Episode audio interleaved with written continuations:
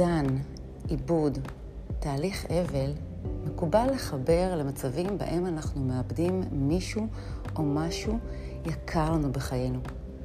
כזה שאנחנו ממש רוצים שיישאר בחיינו. מפתיע לגלות שתהליך של אובדן, של אבל, עיבוד, הכאב, הקושי הזה, מתקיים גם בתהליכים, במצבים בהם אנחנו משנים או מאבדים סיטואציות, תכונות שאנחנו ממש לא רוצים ואנחנו יודעים שאנחנו ממש לא צריכים בחיינו. ומתפלאים למה כל כך קשה לנו לאבד משהו שאנחנו לא רוצים ולא צריכים. דוגמאות. אבל לפני, למה בעצם זה קורה?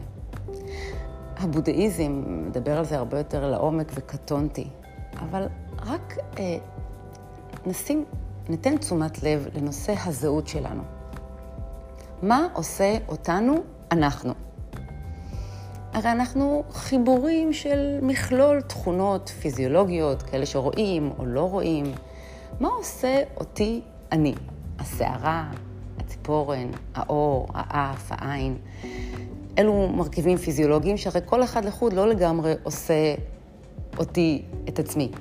כמו שיש את המראה החיצוני, יש לנו גם תכונות והמון מצבים שאנחנו לא רואים, שאנחנו יוצרים בהם את הזהות שלנו. הזהות שלנו נבנית גם ממילים או הגדרות או חוויות, אמונות, שהתווספו לנו עם השנים. זאת אומרת, אם שמעתי כשהייתי ילדה, אני שמנמנה, או אני בעייתית, או אני כזו וכזו, ולא מתמידה, וצברתי לי חוויות שגם מאשרות את זה, או זיכרונות, כל מיני אירועים שבעצם יצרו זהות מסוימת שמקשה עליי, שאני לא באמת רוצה אותה, אבל היא כבר חלק ממני. זאת אומרת, אנחנו מכלול, מכלול של אה, נראה ולא נראה, שבעצם אה, חלק מאיתנו, מהווה הזהות שלנו.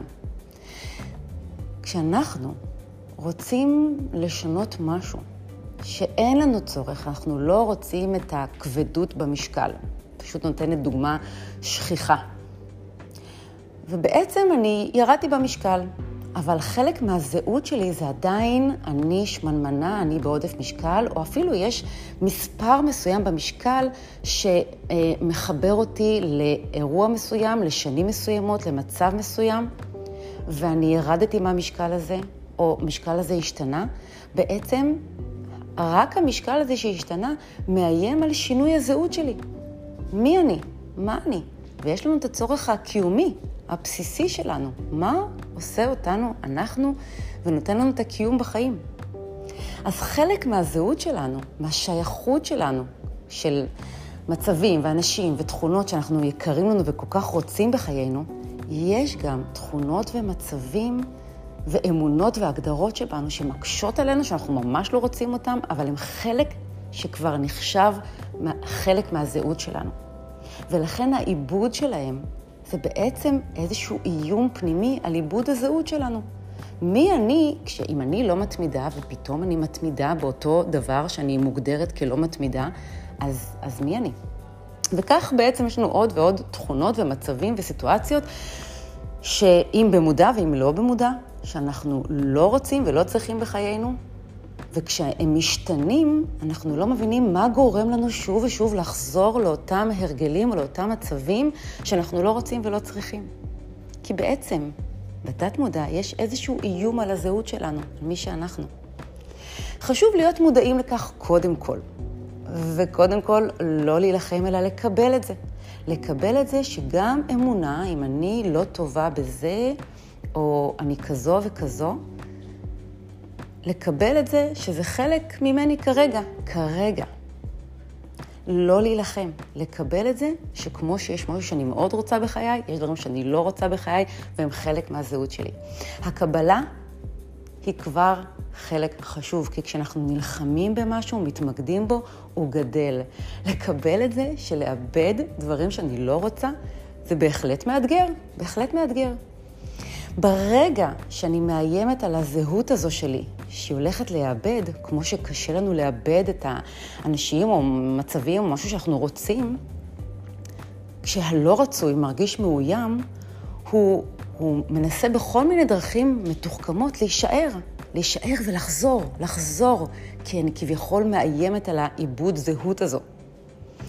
אז אנחנו לא מאיימים. לא מאיימים שאנחנו הולכים לאבד איזושהי תחושה, תכונה או מצב או השתנות לא רצויים. לא לאיים ולקבל שהם קיימים. ולפעול במקביל, לפעול במקביל ולכוון על ידי המזונות שלנו, כמו שאנחנו לומדים בתודעה מזינה. אם על ידי המילים, המחשבות, האמונות והתזונה שלנו, בדיוק כמו שאנחנו לומדים בתהליך של תודעה מזינה. לכוון אל הרצוי בלי לאיים על המצוי הלא רצוי. לקבל את המצוי ולכוון. לכוון, לכוון על ידי הכלים שיש לנו בתודעה מזינה. ובכך בעצם אט-אט, בתהליך, כל אחד והזמן שזה לוקח, בתהליך אנחנו יוצרים אט-אט זהות. אנחנו מרגישים זהות, או כמו שמחליפים מקצוע פתאום, מרגישים זהות שכבר אנחנו, ובעצם קטן יותר ויותר המצבים, הסיטואציות, התכונות שבעצם אין לנו צורך בהם. אז אחד זה לקבל ולא להילחם, ולהיות מודעים שלאבד זה לא רק מצבים שאנחנו אה, מאבדים משהו שיקר לנו, אלא גם משהו לא רצוי. ולפעול בהתמדה אל הרצוי ולא להילחם במצוי. מאוד חשוב, כי מה שאנחנו מתמקדים בו גדל. כך בתרגול נכון אל הכיוון הרצוי, אנחנו מאפשרים את תהליך האובדן במרכאות של תכונות, של מצבים לא רצויים, להיעשות ככה, מה שנקרא, מתחת לרדאר. אנחנו למעשה מקבלים שאנחנו גם כאלו וגם כאלו, אנחנו גם יוצרים זהות, תכונות רצויות, מצבים רצויים, ואנחנו גם מקבלים שאנחנו גם במצבים ובתכונות אחרות. הלקבל ולא להילחם מאפשר איחרור והגדלת המודעות, ההקשבה, דרכי ההתבוננות. אפילו לומדים לראות את עצמנו ואת התכונות או המצבים הלא רצויים בסוג של הומור. נוצרת תחושה בטוחה שאנחנו לא מאבדים לא זהות, לא תכונה, לא מצב, אלא משחררים, יוצרים. תחושה, תכונה, רגש, מצב גופני, מראה, ומתהווים לחלק מזהות רצויה. מאחלת לכולנו שחרור מכל המיותר. שמי ענת ענבר, מפתחת השיטה תודעה מזינה, מחבר את הספר לא משמינים מאוכל לחיי החיוניות. thank you